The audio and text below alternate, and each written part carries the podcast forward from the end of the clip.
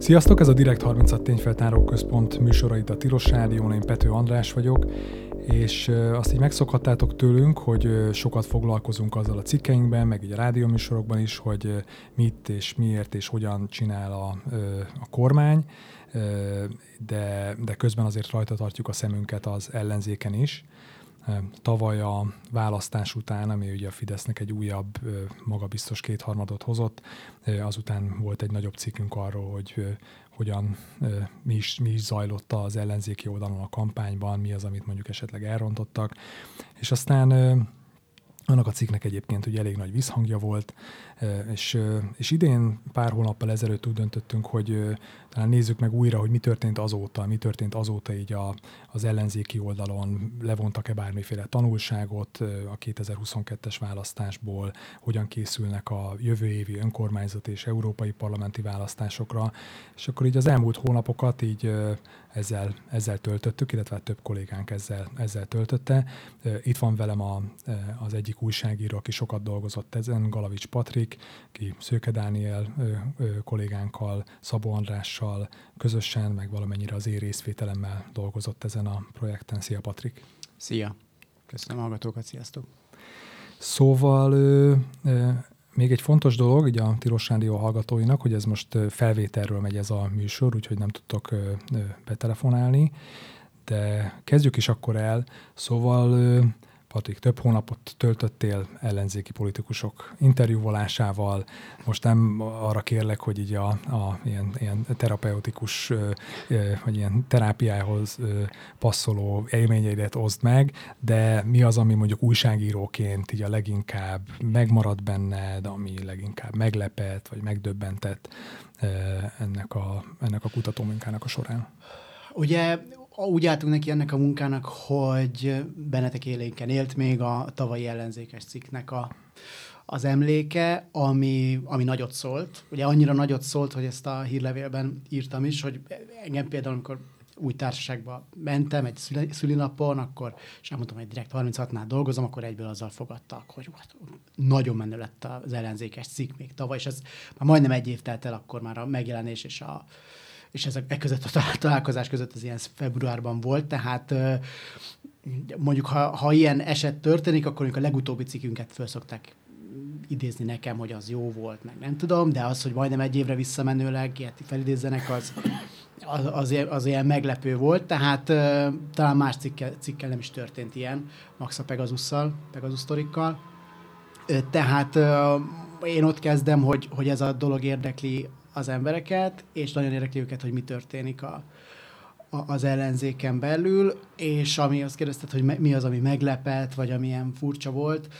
Uh, hát uh, én általában rosszabb dolgokra számítok, mint amik, mint amik jönnek, és ez a, így a magyar ellenzékre is úgy igaz, és azt hiszem, hogy ebben a cikkben uh, így ráerősítenünk, siker, ráerősíteni sikerült azokra a folyamatokra, a, amiket egyébként is látunk meg, meg amik úgy, úgy kirajzolódnak, és amikről különben úgy beszélni is szoktak a szereplők. Hát mire gondolsz? Hát például a Gyurcsány-Karácsony szembenállásra. Tehát ott ö, ott például ennek a, ennek a hátterét szerintem jól sikerült megvilágítani, de nincsen benne olyan fordulat, hogy hát Gyurcsány ezt mondta, de különben azt gondolja, hogy inkább, inkább azt sikerült megvilágítani, hogy mennyivel erősebben mondja azt még a háttérben, amit, amit még gondol, meg még, még, még hangsúlyosabban, illetve hát még a, még a tanulságok levonásánál, az ott viszont tényleg látjuk azt, hogy egyrészt szerintem a, az ellenzéki pártoknak a mozgásából az nagyjából azért látszik, hogy uh, itt nagyon komoly feldolgozása ezeknek az hmm. eredményeknek nem volt, és az viszont kiderül a cikkünkből, hogy ez, hogy ez mennyire nem történt mm. meg, ami még, még, még meglepő is lehet. Jó, erre egyébként erre visszatérünk majd, meg így, így belemegyünk a részleteibe ezeknek a történeteknek, de még annyit, hogy Ugye az látszik, ugye eltelt több mint egy év a, a, választás óta, közben nagyon sok minden történt, ugye itt az ország ugye jóval nehezebb helyzetben van, mint, mint korábban, infláció, rekordinfláció, különböző megszorító intézkedések, stb. És így igazából így ennek ellenére sem tudott az, az ellenzék mit kezdeni, és valamiféle fogást találni a Fideszen.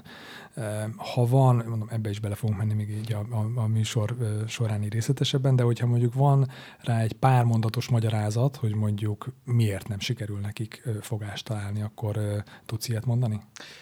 Hát például Momentumnak volt egy ilyen volt egy ilyen próbálkozása, illetve a Momentumon belül nagyon sokan rágták az elnökségnek a fülét, hogy hát nagyon jó lenne itt most már végre az inflációval foglalkozni, hiszen az milyen magas labda, hogy az Európai Unió legmagasabb inflációja, tehát ez, ez tényleg tankönyvileg, egy politikailag egy nagyon jó helyzet egy ellenzéki pártnak. És például a Momentumnál lemérték azt, hogy ö, nem tartják őket igazán kompetensnek ebben. Tehát amit sikerült erről kideríteni, nem ismerjük a, a pontos belső mérést, de az volt, hogy a Momentumosok ezt erről csináltak egy közvéleménykutatást, és az derül ki belőle, hogy relatíve nem a Momentumot tartják ebben a legjobbnak, hanem, hanem más pártokat. Állítólag a Momentumnak se voltak annyira rossz számai egyébként, de hogy, de hogy őket nem tartották ebben igazán kompetensnek, és akkor azt mondták, hogy hát akkor mi ezt a gazdasági tematikát elengedjük, miközben a Momentumosok azért beszéltem olyan Momentumos forrásról, aki pont azt emelte ki, hogy hát pedig mennyi nagyszerű közgazdászunk van. Uh-huh. És ezek szerint ennek ellenére ez így a, a választóknak nem jön át, hogy a Momentumban sok, sok nagyon jó közgazdász van, akik, akik esetleg az infláció tematikájával tudnak foglalkozni. Tehát például egy ilyen, egy ilyen akadály van. A, de a, a, igazán akadálynak én azt érzem így a nyarat végigbeszélgetve ellenzéki politikusokkal, hogy ha bár vannak próbálkozásaik arra, hogy a Fideszt valahogyan támadják, és, a, és onnan szavazókat el, ö, ö, elcsábítsanak, igazság szerint ezt az egész 2024-es választást, mert ugye hát arra készülnek, ezt, ezt inkább egy ilyen pozícióharcnak látják, ami arra lesz jó, hogy mindenki utána majd úgy tudjon felállni egy LP választás után, hogy én vagyok a legerősebb, én, én meg olyan erős vagyok, te meg olyan erős vagy, te meg ilyen gyenge vagy, és olyan gyenge vagy. És azt ki is mondták, például Momentumosok is kimondták, hát a DK ezt mondjuk a, a nyilvánosságban is tényleg hangoztatja, hogy Hát gyakorlatilag ez egy ilyen tisztító tűz lesz. Az, aki mondjuk jövőre nem tudom, két-három százalékot ér, az, e, ér el az EP választáson, az hogyan akar majd odaülni a 2026-os országgyűlési választások előtti mm, tárgyalásokhoz, az mit fog mondani. Ez ugye megint egy érdekes kérdés, mert aztán amikor más ellenzéki háttéremberekkel beszélgettem, akkor ők meg elmondták azt, hogy ez egy nagyon jó elképzelés, de attól még, hogy valakinek 3%-a van, attól ő még követelni fogja magának a, a dolgokat, és nem biztos, hogy adnak a 3%-os pártnak, mondjuk adott esetben nincsenek most pozíciói, amivel tud dílelni. Persze, tehát ugye egyébként... Azért hát ugye, ez nem ennyire egyszerű. Igen, igen, igen. Tehát egyébként csak ugye a legeklatánsabb példa, tehát ugye párbeszéd, amiről tudjuk, hogy mondjuk ugye elég csekély a támogatottsága a, a, a közvéleménykutatásokban, ugye az ő politikusuk Karácsony Gergely, aki ugye közben meg a, az ország lényegében leg erősebb közvetlen támogatottságával rendelkező választott politikusa, ugye főpolgármesterként. Az MSZP-nek van négy polgármesteri helye Budapesten, ami, ami szintén ugye nem nagyon szokták 5% fölé mérni mostanában, és még az, hogyha 5%-ra mérnék, akkor is négy budapesti mm. ö, ö, ö, polgármesteri hely azért az, az tényleg egy, egy erős pozíció, és ez ki is jön egyébként mm. itt a, a díleléseknél. Mm. Mm. Egyébként ugye a, a, a, mondjuk ezt a ellenzéki szavaz, szavazó valószínűleg felteszi azt a kérdést, hogy mondjuk, mondjuk oké, okay, hogy itt persze tisztító tűz, meg pozícióharc, meg 2024-re, de ugye 2024 az már ugye az Orbán rezsimnek vagy rendszernek a 14. éve lesz, és hogyha 14 év után ide jutott el az ellenzék, hogy most akkor itt egymás között meccselnek, akkor az mondjuk, hogy nem tudom, hogy az mit mond az ellenzéki szavazóknak, vagy mit ígér arról, hogy mondjuk aki mondjuk szeretné, hogy mondjuk legyen változása az országban. De pont ugye a, a cikk is ben, cikkben is hangsúlyosan szerepel egy történet, egy régebbi történet, egy 2019-es történet, vagy legalábbis abban induló folyamat, ami, ami ugye pont arról szól, hogy volt olyan próbálkozása az ellenzéknek, hogy valamiféle egy ilyen rendszerszerű, szisztematikus építkezést kezdjen így a, a NER vagy az Orbán rendszerrel szemben. Ugye ennek a lökést az adta, hogy 2019-ben az önkormányzati választáson ugye meglepően jól szerepelt az ellenzék, tehát ugye vissza, visszaszerezte Budapestet, több más megyei jogú, megyei jogú várost, és akkor, és akkor ott volt egy ilyen neki buzdulás, ami aztán persze tudjuk azóta, hogy nem nagyon lett abból se semmi, de elmeséld ennek a történetét, hogy ott mi történt? Ugye 2019-ben az önkormányzati választási siker után, ami azért relatív siker volt, ma már ezt azért tudjuk, mert közben meg a Fidesz úgy effektíve nem vesztett azért a támogatottságából, de kétségtelen, hogy, a, hogy az ellenzék számos városban nagyon fontos sikereket aratott, és aztán ez, ez egy kiinduló pontja volt ugye a szabadvárosok kezdeményezésnek. Ennek a, meg ennek, a, ennek az önkormányzati összefogásnak az alapja az volt, hogy nem sokkal a, a, a választási a választás után Botka László meghívta azokat az ellenzéki városvezetőket, akik mondjuk megyei jogú városokban vagy nagyobb városokban e, sikert arattak, és, és ő kezdeményezte azt, hogy hát itt vagyunk mi most erőt tudunk felmutatni, és ez egy nagyon fontos dolog. A Fidesz csak az erőből ért, nekünk meg kell szerveződnünk valamilyen formában. És, és ugye Szegeden történt ez a találkozó tényleg néhány héttel a, a, a választások után, és aztán decemberben egy Facebook poszt is született, amit több polgármester megosztott, amikor amikor ők közösen kiálltak, és akkor azt hiszem, hogy akkor abban még nem szerepelt konkrétan ez a szabad városok szó. Nem, mert ennyire én jól, jól raktam össze a történetet, tehát itt több, többféle próbálkozás is volt. Volt ez a megyei jogú városok polgármestereinek a, igen, igen, a igen. kvázi ilyen szövetsége, mint az ellenzéki polgármestereknek a szövetsége, hogy itt tizen, tizen voltak, és akkor ez mondjuk így a Botka, körül csoportosult, és aztán mellette ezzel valamennyire párhuzamosan volt ez a szabad, szabad városok, vagy szabad városok szövetsége, ami meg, a, ami meg inkább Budapestről indult, és ez nem csak megyei jogú városokat tömörített volna, hanem más kisebb ellenzéki vezetésű városokat, és ez nem úgy inkább így Karácsony Gergely körül ö, ö, ö, kezdett valami ott kialakulni. De inkább arra vagyok kíváncsi, hogy mondjuk akár itt, mert azt, hiszem, hogy talán egy a botka felől érkezett ez először, hogy legyen valami tényleg ilyen, ne csak tehát, hogy erre, erre valahogy építsenek, erre az önkormányzati megerősödésre, és hogy legyenek ilyen rendszer szintű lépések, amik mondjuk kikezdhetik a, a NER-nek a, a, a hatalmát, hogy, hogy ezek mik voltak, ugye volt szó arról, hogy mondjuk legyen médiával kezdjenek valamit, vagy kezdjenek valamit közös, közösen médiát építeni. Itt ez hogyan zajlott, és mi történt vele végül is? A cikkbe ebből relatíve kevés dolog került be, már hogy igazán, igazán nagy részletességgel, de hogy itt a, a lényege tulajdonképpen az volt, hogy több találkozója volt ezek, egyébként ezeknek a ezeknek a, a városvezetőknek, voltak közös kiállások, tehát az alapja az tulajdonképpen az volt, ez lett volna a nulladik pont, hogy mutassanak egy ilyen közösséget, meg, meg egy ilyen közösségileg egy erőt, mondjuk közös, közös közleményekkel, amikor mondjuk a kormánynak van egy olyan lépése, ami, amire úgy érzik, hogy ez az ő ellenzéki önkormányzatokat sanyargatja, stb., akkor legyen egy közös kiállás. Mondjuk ami, ami tényleg egy nulladik pontnak ér, érezhet az ember, hogy hát legyen egy közlemény, amit mindenki aláír.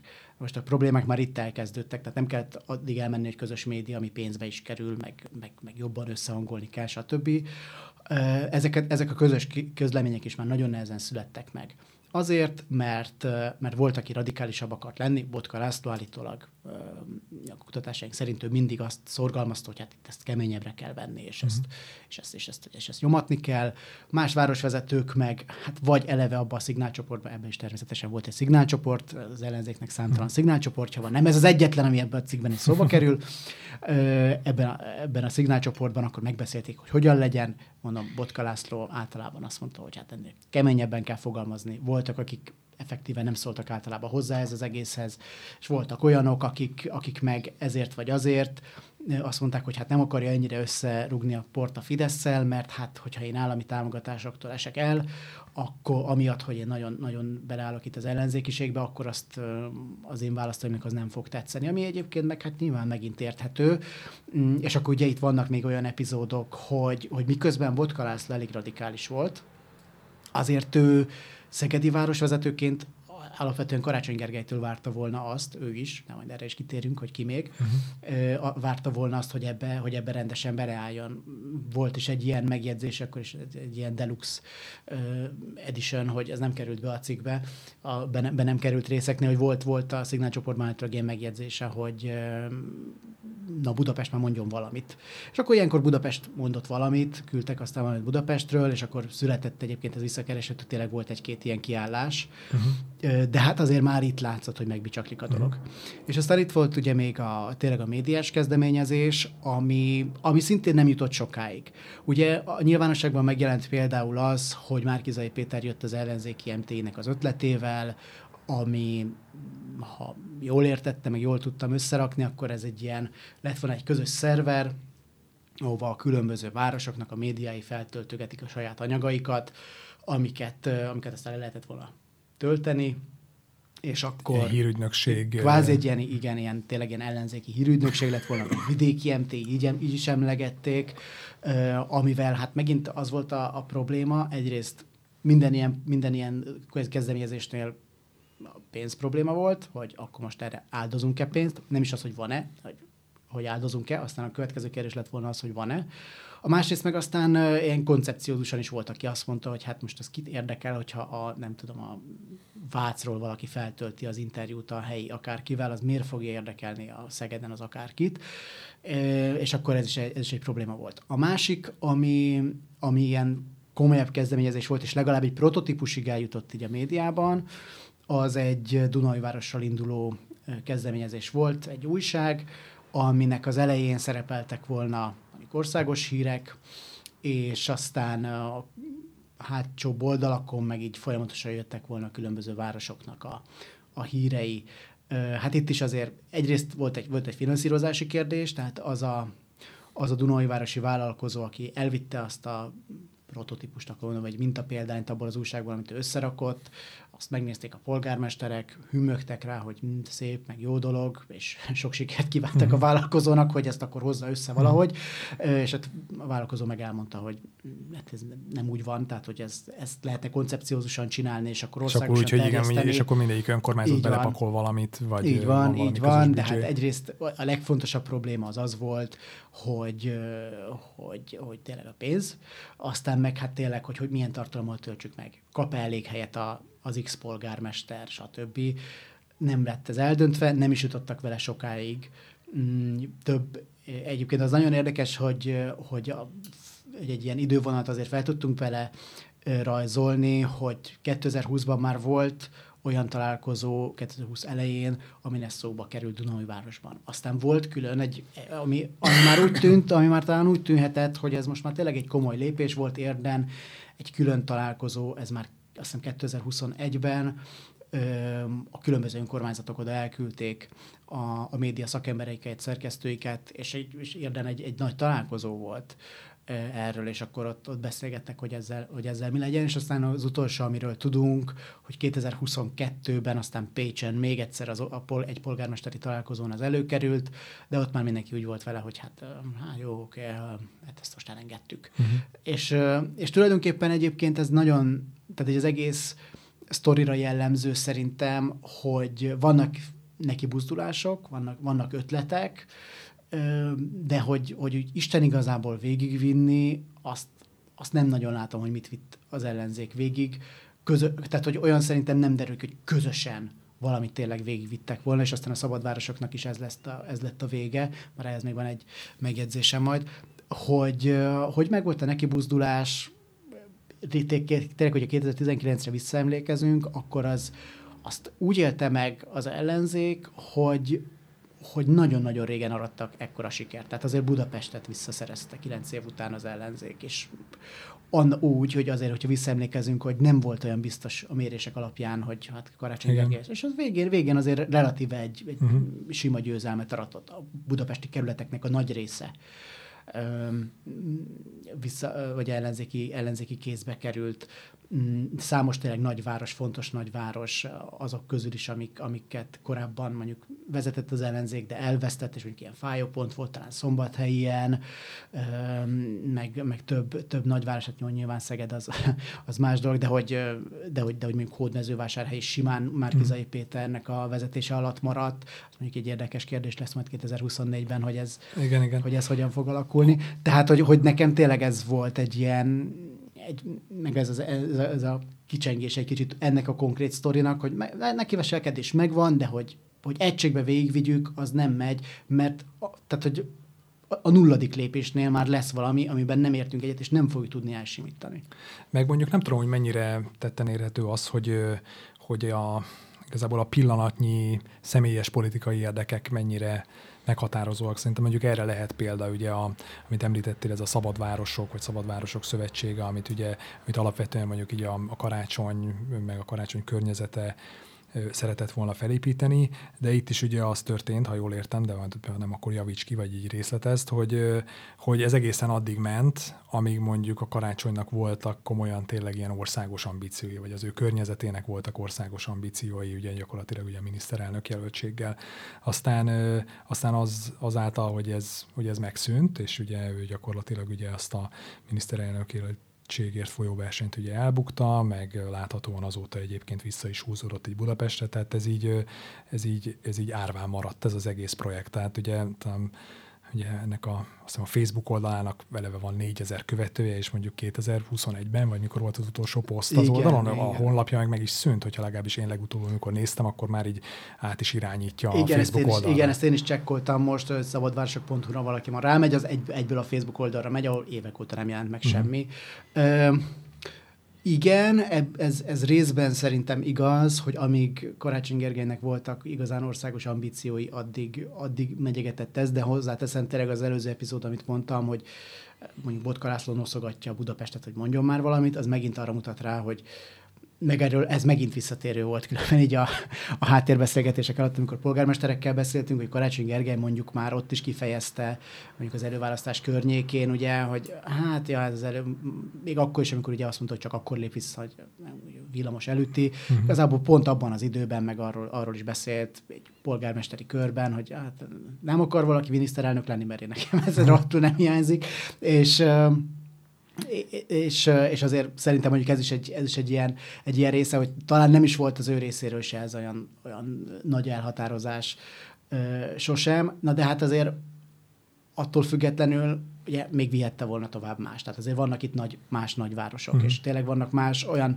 városvezetők, akik szerintem azért köztiszteletnek örvendenek, nem csak a városukban, hanem úgy, a, hanem úgy, úgy, úgy országosan is elismerik őket, meg tudják a nevüket, és azért úgy az élére senki nem akart Isten igazából odaállni. Mm. Tehát, hogyha már, hogyha már azt látja valaki, hogy hát Karácsony Gergely nem áll oda, akkor, akkor az nem, nem törvényszerű, hogy az, hogy az még akkor mm. befutcsoljon de befutcsolt. Uh-huh. Igen, egyébként ugye ebben a, a cikkben az cikkben nem tértünk ki, ugye nem alapvetően nem egy ilyen elemző, hanem inkább egy ilyen tényleg egy tényfeltáró a, a, a történéseket rekonstruáló cikk ami, de, de valószínűleg nálad is sokszor előkerülhetett mondjuk így háttérbeszélgetésekben, hogy, hogy, hogy a, valamilyen szinten a 2006 utáni Fideszre tekintettek mintaként. Ugye a, ugye a Fidesz ugye 2006-ban ugye elveszítette a parlamenti választásokat, elég csúnyán, de aztán ugye az őszi, 2006 őszi önkormányzati választásokon megtarolt már egy az összödi beszéd és az egyéb ilyen botrányok után, és, és igazából utána építette fel magát, tehát a gazdasági hátországát egyébként az önkormányzatoknak köszönhetően, vagy a Fideszes vezetésű önkormányzatoknak köszönhetően tudta felépíteni, tehát ott nyertek először ugye a, a közgép és a hasonló, hasonló cégek, és igazából itt tudott a Fidesz, Fidesz visszajönni, de nyilván ott megvolt a központi akarat, meg a szervezettség, és valószínűleg ez az, ami itt viszont hiányzott, meg úgy néz ki, hogy hiányzik még mindig. Abszolút itt e, ez, ez hiányzik, igen, és, és az, hogy az, hogy tényleg tényleg ezt ilyen egységesen, egységesen akarják, és ezt valaki, valaki erre, ennek az érére álljon. Ugye itt, itt megint az, az a probléma jön elő, hogy a Fidesz az a Fidesz volt, és amúgy a, a polgármesterek, azok tekintettek ilyen szempontból tényleg mintára a Fidesz, Fideszre a 2006-os hatos, hatos eredményét, mert, mert például ott a botkaféle találkozón is előjött, hogy kiszámolgatták azt hiszem, hogy, a, hogy az országnak az egyharmada úgy számoltak, az országnak az egyharmada él most Fidesz, vagy ellenzéki vezetésű uh-huh. városban, ami azért egy, tényleg, tényleg egy, egy komoly, komoly szám, és, és ilyen szempontból erre, erre tekintettek ilyen így, így mintaként, hát nem jött össze, hozzáteszem, és akkor ez már tényleg nem került be a cikkbe, mert ez még ha egyáltalán összejön, akkor ez, ez, még, ez még jóval a beszélgetésünk után fog történni, de most nekem volt egy forrás, aki arról beszélt, hogy lesz még egy nekiveselkedés itt önkormányzati uh-huh. szinten. Uh-huh.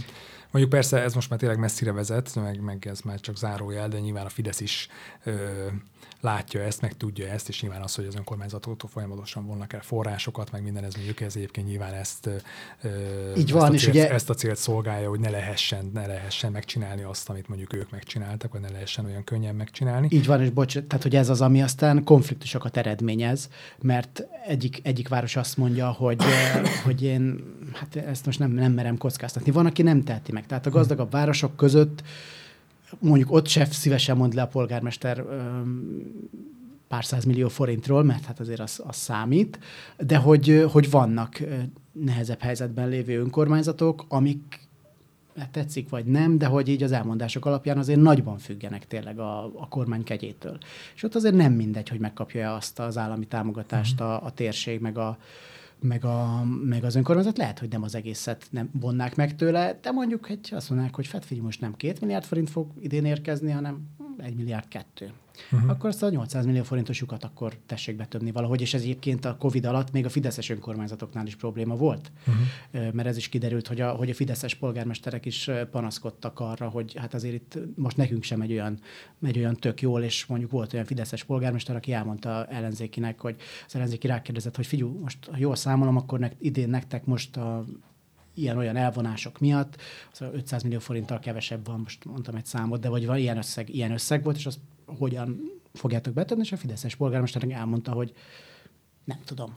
Tehát, uh-huh. hogy ez, ez, egy, ez, ez egy valós probléma volt, és hát ugye nyilván ez konfliktusokat generál, mert innentől kezdve nem állok bele úgy aztán a, aztán a kormánynak az intézkedésébe, hanem arra várok, hogy legalább, legalább, legalább nekem legyen jó, és lehet, hogy a szomszédban már annyira nem lesz jó, de hogyha én megkapom ugyanazt a pénzt, amit eddig, akkor, akkor király. Tehát, hogy nyilván erre a, hát, teljesen egyértelmű, hogy erre a Fidesz azért lecsapott. A, a másik ilyen kulcsmomentum az ellenzéknél is, az ugye a 2022-es parlamenti választás volt, aminek egyébként ugye az egész dinamikája az egyébként az volt, hogy ugye ott egy ilyen alapvetően egy optimistán mentek bele abba a kampányba. Ugye azért az előválasztás az, egy, az egyébként egy sikeres projektje volt az ellenzéknek, a közös ellenzéki szövetségnek, és aztán ugye onnantól volt egy nagyon erős lejtmenet, aminek most a, részleteiben nem megyünk bele. A tavalyi cikk. A tavalyi cikk, igen, amit a, amit a Direkt 36 oldalán, vagy a Telex oldalán megtalálhatnak az olvasók, ez 2022 májusában jelent meg, szóval abban elég, alap, elég alaposan feltártuk, hogy ott mi is zajlott. Viszont, viszont ebben a cikkben meg már nyilván az volt a cél, hogy bemutassuk azt, hogy mi történt utána. Tehát mi történt 2022. április harmadika után. Hát mi történt? Milyen, mennyire vonták le a tanulságokat, vagy mennyire néztek szembe azzal a, hát lehet mondani, hogy csúfos vagy megrendítő verességgel a, az ellenzéki pártszövetségnek a tagjai? Annyival egészíteném még ki ezt a, a tavalyi cikket, meg, meg az egészet, hogy most, amikor beszélgettem egy ellenzéki háttéremberrel, akkor ő mondjuk azért azt mondta, hogy még még a választás előtti pár napban is volt olyan pártelnök, vagy pártvezető, pártfelső vezető, nem, nem, nem pártelnököt mondott, aki azért ő, ő teljes komolysággal kérdezte, hogy szerint aztán akkor a minisztériumnak hogyan kéne kinéznie, meg, meg, ő, meg ő szerinte esélye pályázik el valamelyik miniszteri pozícióra, tehát tényleg ez így visszatekintve egy a... Mm. akkor ezek szerint nem hitt azoknak a egyébként független, vagy mondjuk kormánykritikus hát intézetektől jövő felméréseknek sem, mert azért voltak olyanok, amelyek mutatták mutatták, hogy... Igen, hát igen, ez... igen, tehát hogy, és igen, tehát hogy, hogy, hogy azért ott még tényleg voltak olyan, voltak olyan, voltak olyan elképzelések, hogy itt tényleg lesz, lesz győzelem, sőt, én most is beszélgettem olyan ellenzékiekkel, akik azt mondták, hogy hát azért még optimisták voltunk a, a legvégéig is, meg azt hittük, hogy lesz kormányváltás, mikor el, előtte lévő egy-két hétben már talán nem, de hogy ők nagyon sokáig, tehát ez mm. nagyon sokaknál volt, hogy tényleg, tényleg optimisták voltak. Hát ezzel kapcsolatban ugye a cikk maga szerintem két fontos dolgot említ meg. Kezdjük a, egy újabb szignálcsoporttal, mert tényleg, tényleg számtalan szignálcsoport van. Ezt különben szerintem itt e, e, ebben a munkában tudtam meg, hogy az ellenzéknél inkább a szignál, a Fidesznél pedig a WhatsApp. Tényleg? Azt igen. mondtam, hogy Volt, voltak, igen, igen ezt, mondta, ezt mondták nekem, hogy a, hogy a Fidesznél a WhatsApp, úgyhogy, úgyhogy ez itt is, itt is, itt is megoszlik az ország szempontból is. Tehát pár héttel, illetve igen, tulajdonképpen pár héttel a, a választás után tényleg az volt a, a mondás, hogy hát ebből valamilyen következtetéseket le kell vonni, és ez még talán az utolsó ilyen hatpárti mm, leülésnek volt az eredménye, hogy azt mondták a pártvezetők, hogy hát tényleg kellene erről valamiféle, valamiféle tanulságlevonás, és alakult egy elemző csapat, amiben a hat párt delegált embereket, vagy lehetett abban jelentkezni, ezt erre már nem emlékeztek pontosan a, a, a szereplők, de, de szerintem az, hogyha delegált, akkor az nem, nem tévedünk olyan, olyan nagyon sokat.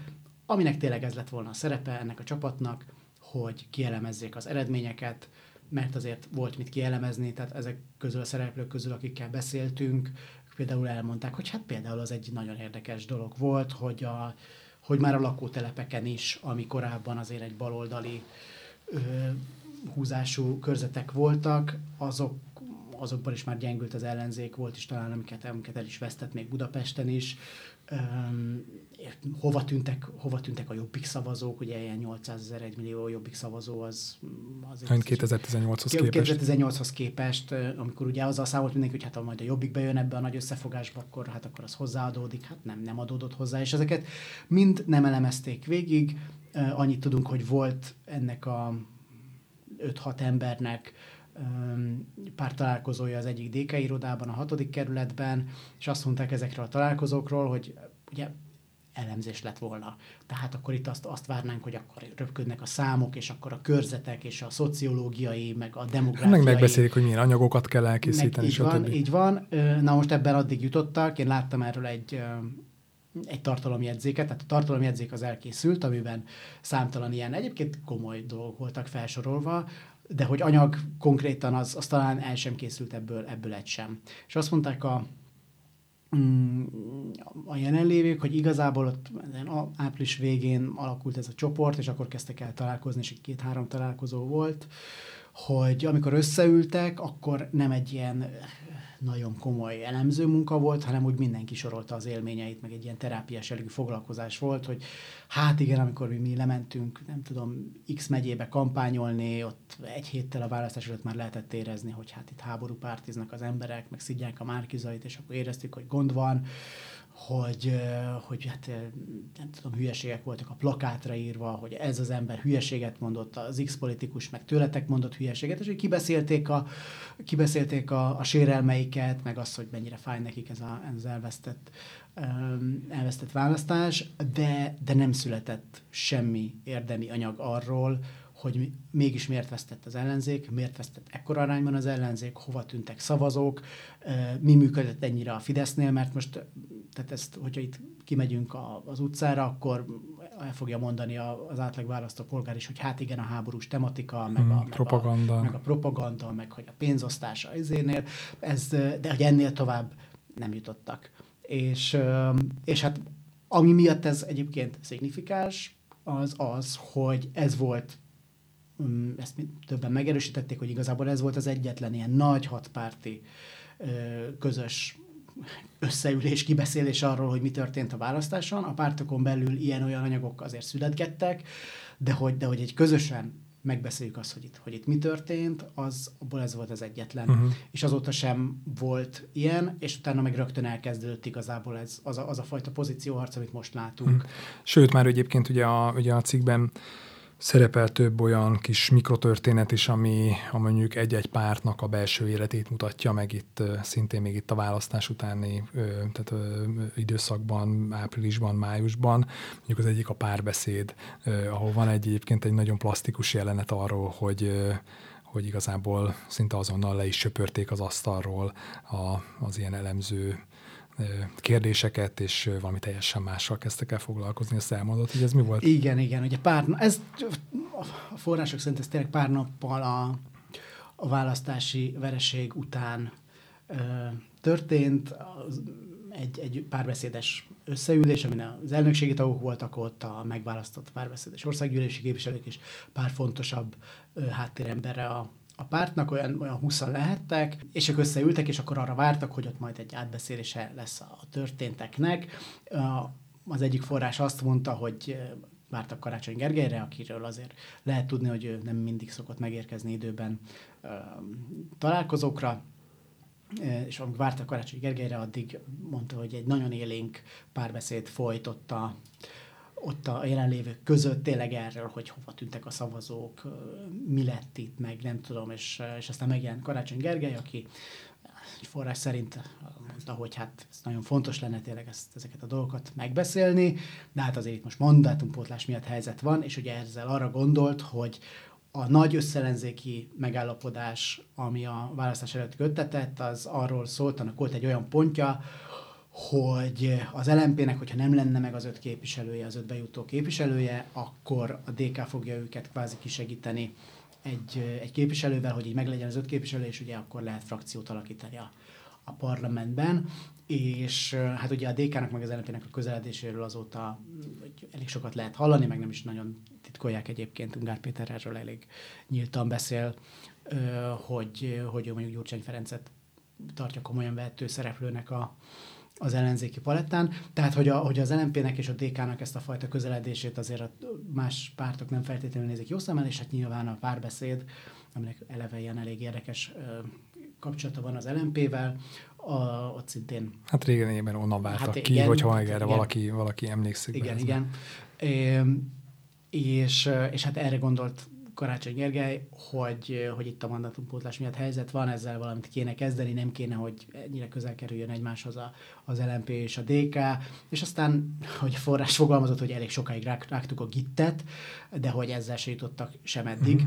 Igazából ugye a mandátumpótlás az, aztán megtörtént a DK részéről, azóta látjuk, hogy a nyilvánosságban azért hogyan, hogyan viszonyul egymáshoz a, a két pár, de hogy itt, itt tényleg ez is arra, arra világított rá, és most gondoljunk bele, tényleg pár nappal vagyunk a választás után, amikor nagyon sok ellenzéki elmondja, hogy teljes sokban voltak attól, hogy hát arra már talán nem számítottak, hogy megnyerhetik a választást, de hát azért a kétharmad, meg az, hogy három millió Fidesz szavazó, tehát ez, ez, ez elképzelhetetlen volt, és ezen tényleg lett volna mit kielemezni és, és hát ez ott, ott, és akkor nem történt meg. Hozzáteszem, a párbeszéden belül született egyébként egy, egy viszonylag részletes dokumentum ettől függetlenül, de de maga a hozzáállás az azt mutatja, hogy, hogy egyből már a választás után elkezdődött egy ilyen, egy ilyen pozícióharc, és aztán ugye még van a Momentumról egy viszonylag részletesen feltárt ügy. Ugye a Momentum volt az, amelyik az első frakcióját alapít, alakította meg. Nekik ez egy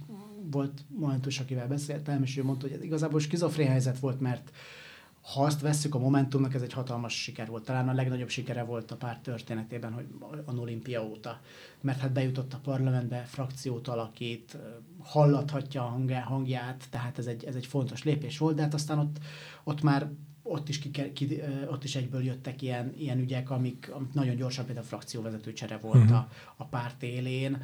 Mm, ugye az Sőt, hát ugye pártelnök csere is Sőt, volt. Pártelnök tehát, csere is e, volt, igen, Donát Anna sokaknak ott meglepő volt, hogy, vagy egy meglepetésszerű volt, ahogy bejelentette, hogy ő, hogy ő most elhagyja a pártelnöki pozíciót, mert babát vár, és aztán ugye ott új, új elnököt kellett találni, ebből jött aztán maga az a, a, az a konfliktus is, ami ugye Fekete Győr András volt a frakcióvezető, de, a, de az elnökség meg azt szerette volna, hogyha hogyha Gelencsér Ferenc a megválasztott elnök lesz a frakcióvezető, és akkor így egy átfedés van kvázi az elnökség és a, és a frakció között.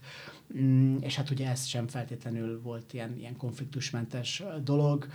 Ebből van egy, volt, egy, volt egy érdekes, érdekes kérdés-válasz meg riposzt, amikor Gelencsér Ferencet megkérdeztem arról, hogy tök ez most hogyan történt, és akkor ő elmondta, hogy, hogy hát ezek után ő Fekete Győr Andrást, mivel nagyszerű motivátor, ezért elküldte egy ilyen országjárásra, hogy a Momentumnak a helyi közösségeit motiválja az elvesztett választás után, és azt Fekete Győr Andrást is megkérdeztem ugyanerről a sztoriról, és akkor ő meg azt mondta, hogy hát ezt már én is hallottam, hogy az elnök küldött el engem, de ez nem így volt, hanem hogy, hanem, hogy ő az ő állítása szerint ő proaktívan vetette uh-huh. ezt föl.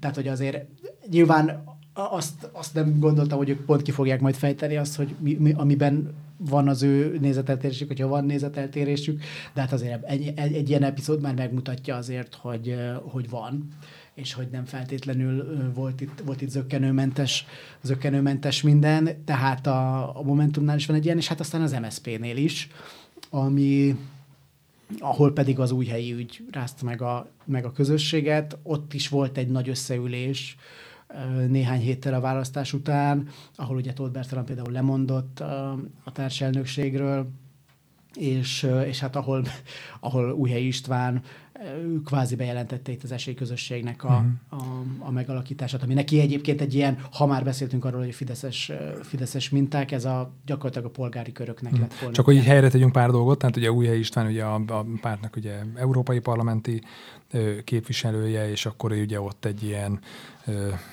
mondott egy ilyen szembesítő beszédet, vagy amit nem tudom, hogy ő egyrészt szembesítésnek, másrészt lelkesítésnek szántott a, a, a választmányülésen. Miket mondott, meg mi volt rá a reakció, meg aztán ő, hogyan szorult ki végül is ő lényegében a pártból?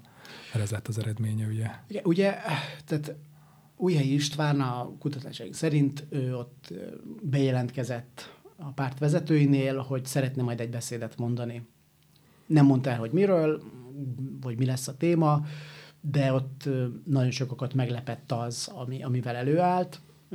Újhely István erre azt mondta, hogy nagyon lelkesítő volt. A, a, a más MSZP-sek azt mondták, hogy nem volt olyan, nem volt olyan, olyan jó, meg nem volt olyan pozitív a miket mondott? És, és hát ő ott tulajdonképpen az MSZP-nek a megújítását tűzte ki célul, egy újfajta ilyen párt, egy civil szervezet közötti dolgot vetett fel, elmondta azt, hogy hát ez a szegfű dolog, ez most már nem feltétlenül működik. Volt, aki az, úgy emlékezett, hogy a prezentációjában magában szerepelt az, hogy hervad a szegfű, aztán ezt Újhely Istvánik azt mondták, hogy nem, de a beszédben elhangzott.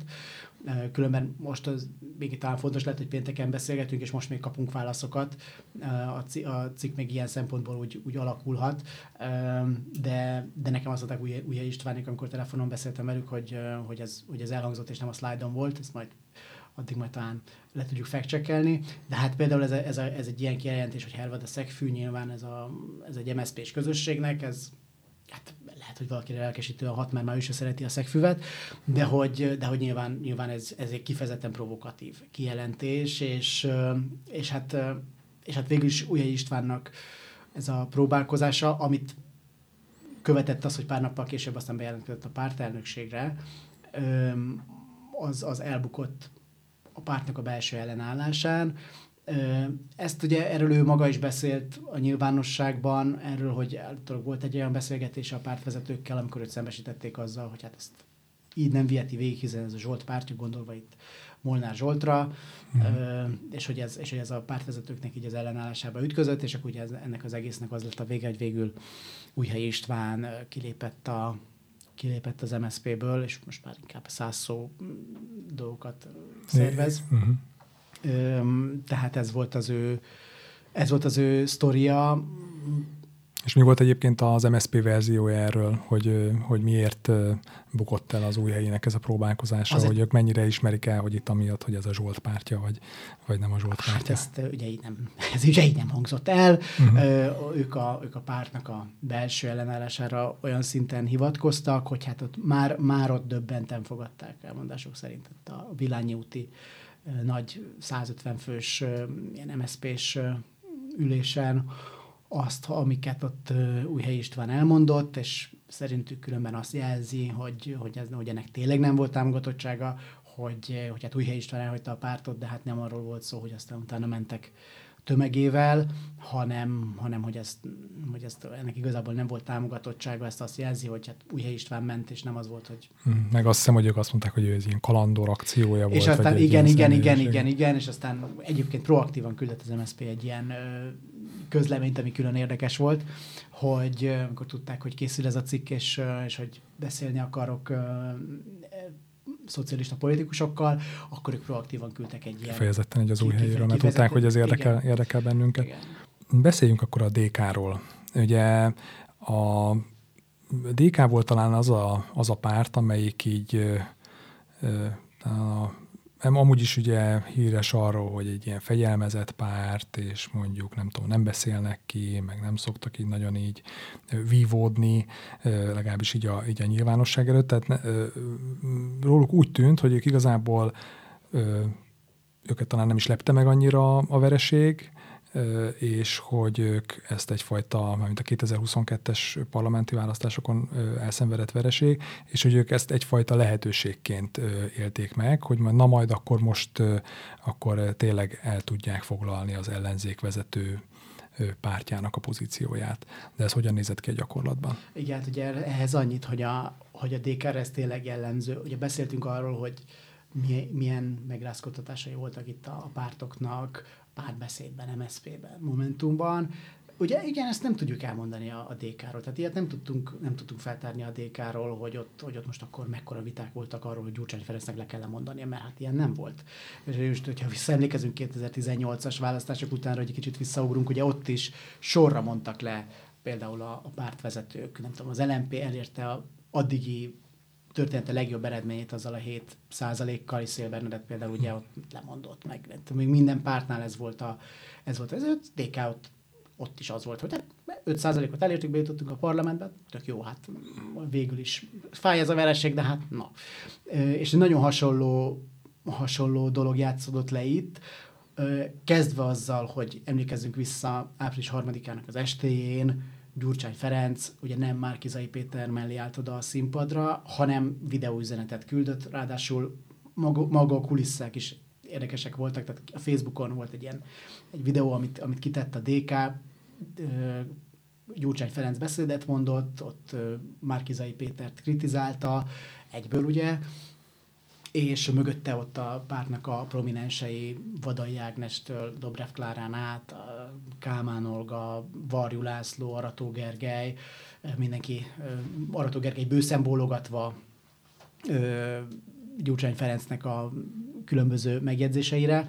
Tehát egy, egyből, egyből volt egy ilyen, amivel szerintem azt már mutatta a DK, hogy jó, mi már, mi már tovább is léptünk, mi már akkor innentől ezzel a, ezt a helyzetet fogjuk kezelni és hát ugye megalakította a DK az árnyék kormányt, amire, amire úgy érezték, hogy hogy ez egy jó lépés lehet, és ezzel diktálhatnak az ellenzéki térfélen. Erről azt sikerült kiderítenünk. Az ugye 2000, csak hogy elhelyezzük így a hallgatónak, szeptember. tavaly szeptember, tehát 2022 tavaly, szeptemberében jelentették be. Tavaly szeptemberben így van, és egy nappal enne, ezelőtt a bejelentés előtt Bodnár Zoltánnak, aki egyébként aztán az árnyék kormánynak az egyik tagja is, Bodnár Zoltán volt MNB alelnöknek a... Meg liberális pártban, ami ugye igen, hát nem, igen, nem jutott igen. nagyon messze, de ugye annak volt politikusa.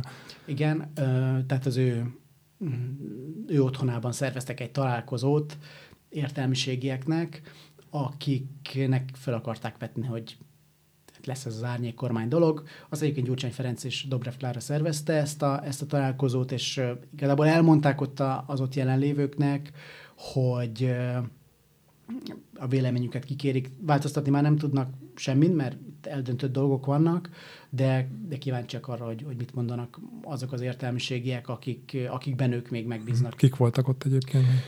Ott Párni. volt például uh, a Bruk testvérek, Bruk Gábor és Bruk András, egyikőjük ugye kampányszakértő, másikőjük íróként ismert inkább, Vásárhelyi Mária szociológus, Györfi Dóra közgazdász, Lakner Zoltán, a, egyrészt politikai tanácsadó, másrészt ugye jelenheti lapnak a, a, a főszerkesztője, Kunce Gábor volt belügyminiszter, és azt hiszem most nem hagytam ki senkit. Ők, ők voltak ott, és velük osztották meg ezeket a, ezeket a terveiket. Dobrev Klára ugye ott arról beszélt, hogy, hogy hát ez egy verseny, innentől kezdve egy verseny van, ami egy jó dolog, mert, mert az segíti letisztítani az ellenzéki térfelet. Ugye itt visszatérünk oda, hogy hát itt igazából már 2026-ban gondolkozik uh-huh. például a DK, hogy, hogy az LP e választás az egy nagyszerű dolog, de hát igazából nem arról lesz, nem amiatt lesz fontos, hogy ott most számszerűleg három vagy négy vagy akárhány képviselője lesz egy-egy pártnak, vagy nem lesz, hanem, hanem az, hogy utána majd az meghatározza a tárgyalásokat, hogy ott mi lesz. És és, és hát és mit mondtak a többi pártról egyébként, ugye mondjuk Igen. talán egy a Momentum az, ami mondjuk ugye legérdekes, mert amúgy meg olyan nagyon nem is emlegettétek az igazán kicsiket, ugye nem is ö, ö, még említés szintjén se beszéltek. Így van, róla. tehát volt olyan, aki azt mondta, hogy a, az MSZP-t ezt ilyen nem létezőként kezelték, ami hát megint ugye itt az LMP párbeszéd szakadás miatt már emlegettük egy pártoknak a különleges kapcsolatát, azért a DK és az MSZP között is megvan ez a, uh-huh. ez a különleges, különleges kapcsolat, hogy nem tudnak egymással mit kezdeni, illetve szerintem inkább az MSZP nem tud mit kezdeni a DK-val. A DK-nak elég határozott elképzelései vannak szerintem az MSZP-ről, amit mutat az is, hogy tényleg ilyen nem létező pártként kezelték. Ö, politikai szereplők közül még kettő került szóba ott ezen a, ezen a találkozón. Az egyik a Momentum volt, amiről azt gondolták, hogy, hogy a támogatottsága az ilyen, az ugye mi hazánkéval lehet majd pariban, tehát ilyen 7-8 százalék lehet. Mm, és igen, és ez még fontos lehet, hogy visszatérek mindjárt a Momentumra, de hogy ők, ők azzal számoltak ott, hogy, hogy ez a rossz gazdasági helyzet, az, hogy az EU-s pénzek nem fognak jönni, az, az, a, az a Fidesznek egy nagyon erős népszerűség romlást fog okozni, a DK pedig ezzel együtt, hogyha magához ragadja a kezdeményezést, akkor, akkor nagyon erősödhet. Tehát ugye látjuk, hogy ebből megint nem lett semmi, és akkor itt visszatérünk a, a Momentumhoz, hogy ugye velük számoltak úgy, hogy igazából ők, ők lehetnek egy ilyen, még, még ilyen releváns szereplő, de ők se lehetnek, hogy Isten igazából erősek, hanem tényleg a mi hazánkkal lehetnek mondjuk ilyen egy támogatottsági szinten, és hát még egy másik, másik szempontból került szóba a, a Momentum, az az, hogy megtudták a DK-ban, hogy az árnyék kormány ötletéről tudomást szereztek a Momentumban egy négy-öt héttel a bejelentés előtt. És, és ott elmondás sok alapján Gyurcsány Ferenc és Dobrev Klára őszintén tartottak attól, hogy amikor ez megtörtént, akkor a Momentum itt valahogy majd ezt a projektet alássa. Nagyon egyszerűen megtette volna a Momentum, Gyurcsány Ferencék szerint legalábbis annyit kellett volna csinálni a Momentumnak, hogy, hogy azt mondja a Momentum, hogy tök jó ötlet, legyen összpárti, mindenféle nagy, nagy, nagy, nagy árnyék kormány legyen, ami Gyurcsány Ferencek szerint azt eredményezte volna, hogy itt vége láthatatlan tárgyalások lesznek, és akkor ebből a végére megint nem lesz semmi mondjuk tegyük hozzá, hogy elnézve itt a szabadvárosok mhm. kezdeményezés, lehet, hogy ez nem volt egy rossz számítás Gyurcsány Ferencék részéről, de hát ugye nem történt ilyen a, a Momentum részéről, ők egy-két ilyen Donát Anna posztot a Facebookon véltek annak, hogy ez üzenet a DK felé, mm. de hogy, de hogy nem volt ilyen ö, nagy nagy nekibuzdulása a Momentum részéről, és ott az volt az érzés, hogy ez, hát ez egy ilyen elég amatőr dolog, hogy itt nem próbáltak meg semmit. Ezt Tehát nem mondták ki... a dékások, hogy na hát igen, igen nem használták igen. ki, hogy ellenük így kicsit így becsusszanak, igen, vagy megakadály, berakják a botot a küllők közé. Igen. És ugyanezt mm. nem mondták ki, de hogy, de hogy például azt, azt, azt az egyik forrás mondta, hogy hát nagy fejcsóválás volt, hogy hát a Momentum is ennyi, tehát hogy, mm-hmm. hogy ez... Mm-hmm hogy ez egy, ez egy, ez egy, ilyen, egy ilyen érdekes jelenete volt ennek, és majd és majd nem tudom, majd momentumosokkal, hogyha a cikk megjelenése után beszélek, akkor, erre, akkor kíváncsi leszek erre a, uh-huh. a reflexióra, hogy erre majd, erre majd ők, ők mit mondanak. Mm. Minden esetre ez egy, ez egy ilyen epizód volt, és hogy a másik, jelen, másik másik szereplő, akiről úgy nagyjából még beszéltek, nagyon röviden, az Karácsony Gergely főpolgármester volt, és, és hát majd erre úgyis szerintem nagyon hamarosan kitérünk bővebben, de hát ugye ott is azt vetették a szemére, amit különben Gyurcsány nyilvánosan Ferenc, is. Nyilvánosan is. Uh-huh. Hogy nem elég kemény, hogy Budapestnek a budapesti főpolgármesterség az, az egy olyan felelősség, amiből szerinte meg lehetne szervezni az ellenzéket, meg, meg országos ambíciókra lehetne törni, és hogy hát Karácsony Gergely ez nem, nem elég kemény, ez ott, ez ott szintén, szintén szóba került, és emiatt Gyurcsány Ferenc ostorozza Karácsony mhm. Gergelyt. Egyébként, hogyha már szóba hoztad, akkor beszélhetünk is erről, hogy igen, tehát ugye ez a Gyurcsány, Karácsony konfliktus, ez tényleg ugye évekre nyúlik vissza, erről a Direkt 36 és ugye szám, számos szaftos történetet feltárt korábbról, tehát már 2019-ben is, vagy nem sokak, ugye az önkormányzati választás után voltak konfliktusok közöttük, aztán ugye a 22-es választási kampányban ugye szintén, akkor ott ugye a Gyurcsány miatt hordta le így a karácsonyt ilyen szűkkörű tanácskozáson, hogy hát igazából ugye ő hozta a nyakukra, mint az ellenzék nyakára a Márkizai Pétert, és igazából ezt ő, ezt most itt rádióműsorban nem tudom megismételni, hogy milyen szavak kíséretében mondta ezt tudomásunk szerint. De hogy, hogy mi a helyzet most ezzel a, ezzel a, ezzel a viszonyjal? Ez tulajdonképpen egy ilyen befagyott konfliktusnak tűnik nekem, egy ilyen sevelet se nélküled dolognak. A tudomásunk szerint nem csak az van, hogy Gyurcsány Ferenc kritizálja Orbán, Orbán Viktort is szokta kritizálni, mm. igen, de hogy, hogy Karácsony Gergelyt a, a nyilvánosságban, hanem, hanem, úgy, hanem Karácsony Gergelynek is megvan erre a, a maga válasza, és ő sem feltétlenül tudja hova helyezni a DK-t, nekem legalábbis ez tűnt ki a, a sztorikból. Tehát tudomásunk van arról, hogy Karácsony Gergely a Momentumot például tavaly év végén, idén év elején megkereste, és és hát ugye ez nem az első próbálkozása lett volna arra, hogy valamiféle ilyen nem kimondottan DK ellenes, de volt, volt mondjuk DK ellenes próbálkozása is, de ez nem feltétlenül lett volna az, de, de olyasmi lett volna, hogy hát azért legyen, legyen valamiféle összefogás, de abból úgy ne legyen benne a DK, és ugye Karácsony Gergelynek az volt a felvetése így a Gerencsét Ferenc Momentum elnök felé tavaly év végén, idén, idén év elején, hogy hát a Momentum és a párbeszéd az akár össze is foghatna, és az EP-n elindul, EP választásra elindulhatna közösen. Van ebben ráció, állítólag vannak arra mérések, hogy ez a két párt ö, egészen jól tudná magá, egymást kiegészíteni, tehát a Momentumos szavazóknak sokszor a másodlagos preferenciája a párbeszéd, és fordítva. Uh-huh.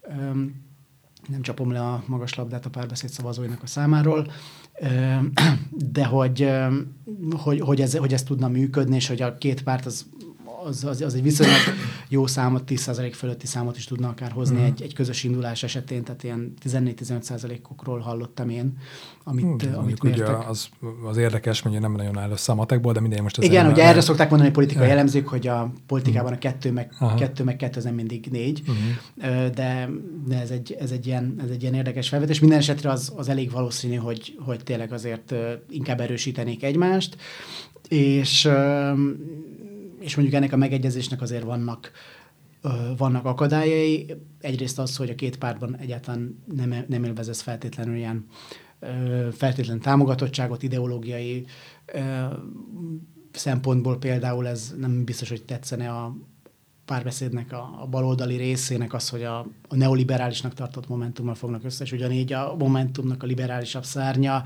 a túlbaloldali gondolatokat, főleg a gazdaságpolitikában nem annyira nem annyira kultiválja, de hogy volt, de hogy például Karácsony Gergelynek azért volt ilyen, volt ilyen próbálkozása.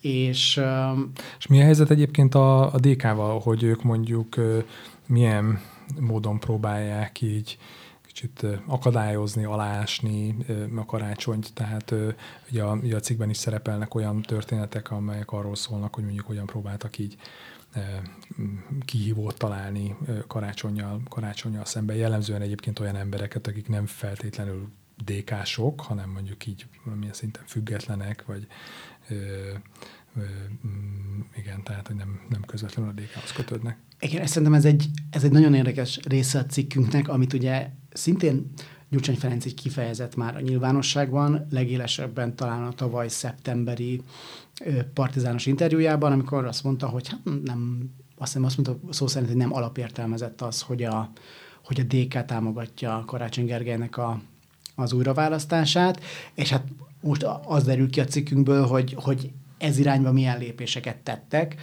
Üm, ugye neveket dobáltak be végül is a, a nyilvánosságban, meg nem is feltétlenül a nyilvánosságban dobálták be, de mondjuk egymás között. Bőszanetnek a neve megjelent, mondjuk az főleg a propaganda médiában, igen, ő ugye a főpolgármester helyettes, és a DK által támogatott főpolgármester helyettes. Én beszéltem olyan DK-s politikus, aki mondta, hogy hát igen, egyébként lehet, hogy nem lenne hülyeség mondjuk külvárosi polgármestert bedobni, meg budapesti külvárosi polgármestert, és így megjelent például Szaniszló Sándor neve, ami, akinek a neve állítólag szintén forgott itt ellenzéki körökben, aki ugye a 18. kerületnek a, a DK-s polgármestere, remélem nem a 17-nek. Most ebben is Most, most kiderült, biztos. hogy belvárosban lakunk, kiderült, hmm. és lehet, lehet minket itt mostorozni. És hát a, ami, aki nagyon érdekes volt, és válaszolt egyébként a kérdéseimre ezzel, ezzel kapcsolatban, az Somogyi Zoltán, a Political Capitalnek a, a, az alap, alapítója. Alapítója, politikai jellemző tanácsadó. Akinek, akinek sok szintén... Minden, sokféle sapkát visel. Aki, akinek szintén bedobták a nevét, és, és hát én felhívtam Somogyi Zoltánt, hogy mondjon arról valamit, hogy neki voltak egyébként ilyen ambíciói, hallotta erről, és Somogyi Zoltán elmondta nekem, hogy Ö, hát hallott erről, ő is ugyanúgy, mint én plegykákból, és akkor rákérdezett a DK-nál, hogy ez most akkor mégis hogy van, tehát hogy szólhatnátok nekem is egyébként, hogyha úgy gondoljátok, hogy szeretnétek, hogy én, a, én főpolgármester jelöltetek legyen, és akkor a DK-sok elmondása szerint elismerték neki, hogy ja, tényleg így belső egyeztetéseken mm. ott szóba kerültél ötletként, mm, de hogy, de hogy aztán azt mondta Somogyi Zoltán, hogy amikor bővebben rákérdezett, akkor csak homályos, homályos mhm. válaszokat mm-hmm. kapott, de azt megijeszte nekik, hogy azért hálás lenne, hogyha ha, ha már ilyen ötleteik vannak, akkor azt ah, Hát ezt igen, ezt, ő, ezt, ő, ezt ő mondja, hogy nem, nem minden, minden részletben nem látunk, nem látunk bele.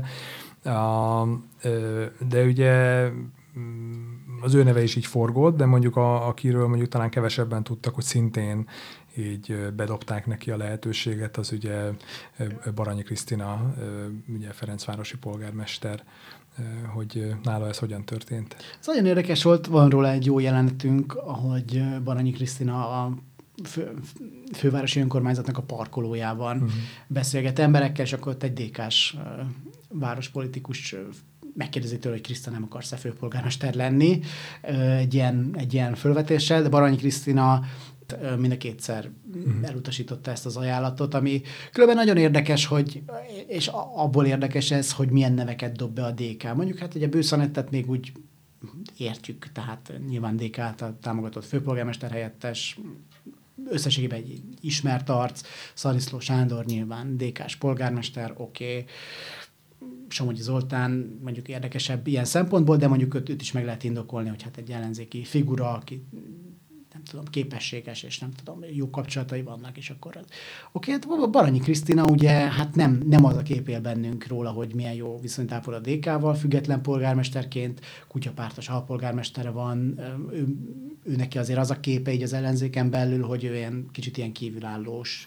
Hát de valószínűleg pont ezért, tehát ugye DK azért megégette mag, már magát azzal, hogy ugye 2019-ben ugye indítottak közvetlenül DK-s politikust, még hogyha egy relatíve újonc DK-s politikust, ugye Kálmán Olgát, Karácsony Gergelyel szemben, és aztán hát ugye Karácsony simán, simán nyert.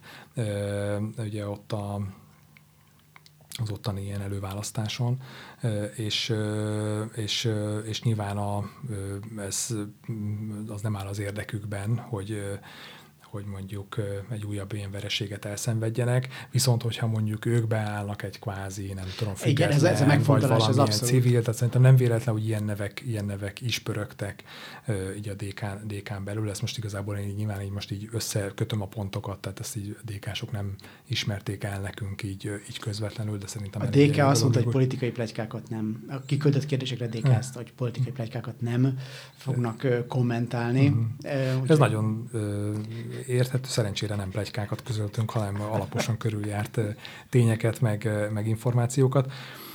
Ö, és aztán ugye, a, igen, még itt a Baranyi Krisztinára visszatérve, hogy ugye, ugye úgy tudjuk, hogy utána még egyszer megismételték ezt a, ezt a megkeresést így egy pár héttel később a, a DK részéről, és aztán ő ismét elzárkózott ez elől, és akkor ezért ugye ebből nem is lett aztán, nem is lett aztán semmi. De közben meg csak hogy tényleg, de még bonyolultabb legyen a kép. De szerintem egyébként pont ezek az ilyen nüanszok ö, adják, vagy ezekből adódik össze az a kép, amivel egyébként így a, a beszélgetést is kezdtük meg, ami talán ugye a, a cikknek a, a vezérfonala, hogy tényleg millió ilyen kis apró, ilyen szurkálás, helyezkedés ö, van, mert igazából ez, ez most jelenleg így az ellenzéknek a, a, a, a tevékenysége. Ö, nagy részt, nyilván vannak tehát vannak akciók, van, volt kordonbontás, voltak nem tudom, DK-nak is inflációs plakátkampánya, de valahogy, amikor ugye tényleg hónapokat töltöttünk, leginkább mondjuk te meg a Dani ezekkel a beszélgetésekkel, tehát hogy és ezekhez tényleg elég ilyen nyitott fejjel mentünk bele ebbe az egész projektbe, hogy nézzük meg, meséljék el, hogy mi történt ebben az egy évben, és igazából ahogy mentünk előre ezekben a beszélgetésekben, azt érjük, hogy ezzel töltötték a, azt az elmúlt, az elmúlt egy évet, hogy helyezkedéssel, furkálódással, és igen, de oda akartam kiukadni, hogy most igen, egy újabb csavar a történetben, hogy, hogy van elvileg most valamiféle ilyen béke megállapodás Gyurcsány és karácsony között. Ez, Igen. ez miben áll? Igen, egy forrás szerint ilyen már tulajdonképpen 2019-ben is volt. Az a kérés a DK felől Karácsony Gergely felé a forrás szerint, hogy az EP kampányból vonja ki magát, foglalkozzon az önkormányzati ö, történésekkel, és akkor ő, a DK az szintén békén hagyja őt, ilyen főpolgármesteri szinten, sőt még valószínűleg e- aktívan talán támogat, támogatni is, támogatni is fogják. Ha minden igaz, akkor tényleg 2019-ben is volt már egy ilyen, egy ilyen megállapodás a felek között, hogy hát jó, kénytelenek vagyunk elviselni egymást tulajdonképpen, de legalább ne ártsunk egymásnak. És azt mondta a forrás, hogy most így ilyen szempontból béke van. Egyrészt ugye a DK látja, mert a nem csak a belső mérések, egyébként ugye Karácsony Gergelynek a stábja meg ezt válaszolta, szintén azt, hogy valami ilyesmit, hogy ők sem válaszolnak plegykákra, másrészt pedig az állítólagos belső mérések, amikről azért mi elég sokat hallottunk, ez ilyen főpolgársteri belső mérésekről, hogy ott elég magabiztos számokat hoz Karácsony uh-huh. Gergely, és hogy nem nagyon megingatható a pozíciója, és ez, ez egy nagy magabiztosságot ad neki. Tehát ezt a DK is látja, belátja, hogy nincs értelme, hogy Isten igazából neki menni karácsonynak, és nem, nem fogják tudni leváltani, és ez, ez, ez, erre mondta azt a forrás, hogy most ilyen szempontból béke van. Uh-huh. Tehát lényegében az van, ha jól értem, akkor az, hogy ne keresztezzék egymás útját. Karácsony Gergely foglalkozhat Budapesttel, meg mondjuk önkormányzati ügyekkel, de mondjuk az EP választásba annyira ne folyjon bele. Ha jól értem, akkor a DK-nak elsősorban az most egy ilyen prioritás, hogy ugye ott az egy ugye listás szavazás, pártokra szavaznak az emberek, és hogy ott meg tudja mutatni magát, hogy mondjuk akkor tényleg ő a, a, az ellenzék vezető ereje. De egyébként zárjuk azzal így a beszélgetést, hogy egyrészt tényleg a DK-nak mennyire jött be ez a, akár az árnyék kormány nyos ö, akciója, akár az inflációs kampánya, amiben egyébként ugye az, az a kevés olyan ellenzéki megmozdulás egyike volt, amikor ugye ott a kormányjal szemben léptek fel, ugye volt egy plakátkampány arról, hogy Orbán tehet az inflációról, és majd Dobrev Klára ugye majd megemeli a béreket. Szóval mi látszik a számokban? Hogyan állnak ezek a pártok most? Hát ugye maga Gyurcsány Ferenc mondta azt, és most akkor visszatérünk ide a partizános interjújára, hogy másfél millió DK szavazó lesz itt. Azt hiszem, hogy ő fél éven belőle uh-huh. jósolta ezt abban az interjúban. Hát most látjuk, hogy nincsen másfél millió DK szavazó, tehát a legújabb mérések szerint mondjuk a DK ilyen 11 pár százalékon áll. A Momentum valamennyit erősödött, de hát azért nem, nem szignifikánsan. Amúgy az a DK számítás talán nagyjából be is jött, hogy a mi hazánkkal vannak úgy nagyjából pariban, bár azért a mi hazánk meg egy kicsit, kicsit mögötte van a, a Momentumnak, és hát a többi pártot meg, meg hát általában bejutási küszöb alatt mérik a, a, a közvéleménykutatások, úgyhogy hát nem, nem igazán jött be. Uh-huh. Tehát az az igazság, hogy, hogy, hogyha ha Gyurcsány Ferencék azzal számoltak azon az értelmiségi találkozón, hogy meredeken fog emelkedni a DK-nak a, a, a támogatottsága, akkor ez nagyon nem jött be. Tehát, hogy a meredek emelkedés, az mondjuk nekem azt jelenteni, hogy mondjuk álltak 13-14 százalékon, akkor most 20 százalék fölött. Hát közelében nincsenek uh-huh. ennek, és egyik, egyik párt sem erősödött nagyon. Egy-egy százalékokat ezekben a havonta készülő kutatásokban mondjuk így erősödnek, gyengülnek, de hát de, egy, de inkább egy ilyen egy helyben topogás uh-huh. az, ami Pedig közben az, ami egyébként, van. ugye ez is szerepel a cikkben, erre is kitérünk, hogy, a, hogy amúgy lenne lehetőségük, mert hogy a Fidesz mondjuk persze továbbra is vezet, meg továbbra is a legerősebb pár, de egyébként meg úgy egyébként elég jelentősen veszik veszít, a veszít, szóval igen, tehát van olyan van olyan elemző, aki elmondta, hogy az egy, az egy tévhit, hogy a, hogy a Fidesz az nem vesztett szavazatokat, és hogy itt a, itt nem tudom, hogy nem lehet megfogni a, a Fidesznek, hogy nincsen hatással, hatással a Fidesznek a támogatottsága a, a jelenlegi gazdasági helyzet, de hogy nem. Az van, hogy vesztett a Fidesz több százezer szavazót, azt hiszem, hogy ez az elemző 700 ezer szavazót mondott, ami azért egy jelentős dolog, de ez a 700 ezer szavazó nem, vagy egyáltalán nem ilyen mértékben mutatkozik aztán az ellenzéki pártoknál. Nem mondjuk kutyapárt, mi igen, hazánk. vagy most az ellenzéki a hagyományos, igen, a hagyomány, pártszöv, igen, igen, a pártszövetségben igen, lévő. Igen, igen, igen, bocsánat, tehát igen. bocsánat, a mi hazánktól és a kutyapártól ezúton is. Tehát, hogy, hogy esetleg ott, vagy átmennek bizonytalanokba, és talán ez a, uh-huh. ez, a, ez a nagyobb tömeg. Mert azt hiába volt tékás plakátkampány, hiába volt momentumos kordonbontás, azt attól függetlenül még nem érzik, hogy, hogy nekünk, nekünk ezekre a pártokra kellene szavazni. Noktatszó, még azért még van tényleg párbeszéd, tényleg van LMP, tényleg van MSP, és nem, nem ott jelenik meg ez a, ez a 700 ezer szavazó, pedig hogyha csak egyenlő arányban osztanánk el köztük, már az egy ilyen óriási emelkedés lenne, most ezt is hirtelen nem számoltam ki, de lehet, hogy az mindenkit a, mondjuk az 5%-os küszöb fölé lökne, például az uh-huh. EP választáson, hogyha ez a 700 ezer szavazó úgy hirtelen megjelenne a egyenlő arányban egy ilyen hipotetikusan a, a, a pártoknál, uh-huh. tehát, tehát ez egy, ez egy, ez egy ez mutatja talán a legjobban a, azt, hogy amit a címben állítunk, hogy vergődés, mert, mert hát ez egy, ez egy olyan politikai helyzet, amivel szerintem, és így beszélgetve az ellenzéki politikusokkal, ők is látják, hogy ez talán egy, egy nem, nem mostanában visszatérő politikai esély. Tehát azért a válság nem fog örökké tartani, valamennyivel majd jobb lesz a helyzet, a reálbérek előbb-utóbb majd újra elkezdenek ezért vagy azért emelkedni, és ugye eddig az volt a mondás, hogy hát persze, mert konjunktúra volt, meg nőttek a fizetések, akkor nem szoktak kormányváltani az emberek, mert akkor nem szoktak elbizonytalanodni. Most azt látjuk, hogy gazdasági helyzet az nem jó, és vannak elbizonytalanodó emberek, és végülis tömegében is vannak ezek az elbizonytalanodó emberek, de mégsem az ellenzék felé mennek, és szerintem ez egy, ezt ők is érzik, hogy ez felük egy óriási, óriási uh-huh. kritika, de egyszerűen azt látom, meg azt, azt vettem le a beszélgetésekből, hogy nem tudnak a helyzettel tényleg mit mhm. kezdeni. Hiába próbálkoznak adott esetben. Egyébként persze nyilván arra is azért ö, ö, magunkat is, meg a, meg a hallgatókat is, meg mindenkit emlékeztetni kell, hogy igazából mondjam, tehát a, választás, ez a, ugye a következő választások, az európai parlamenti választás, meg az önkormányzati választás, és ugye még hát nem egészen egy év van hátra, ami egyébként egy relatíve hosszú idő azért politikában is, meg, meg amúgy is, és igazából az fog majd alapvetően számítani, hogy akkor ott mi, mi lesz, és mi fog történni, úgyhogy még mondjuk nyilván ne írjunk le senkit, meg, meg semmit, de ez mi újságíróként nyilván azt tudjuk tenni, hogy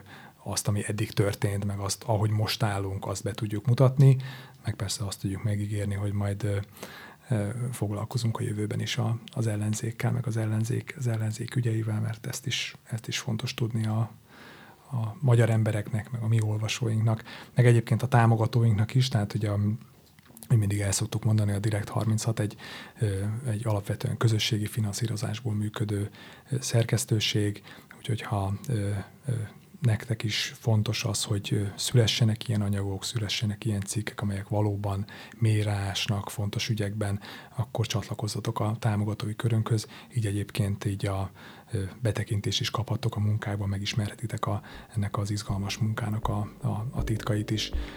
Nagyon szépen köszönöm a figyelmet, Patrik, nagyon szépen köszönöm, hogy itt voltál, és akkor találkozunk két hét múlva. Sziasztok! Sziasztok!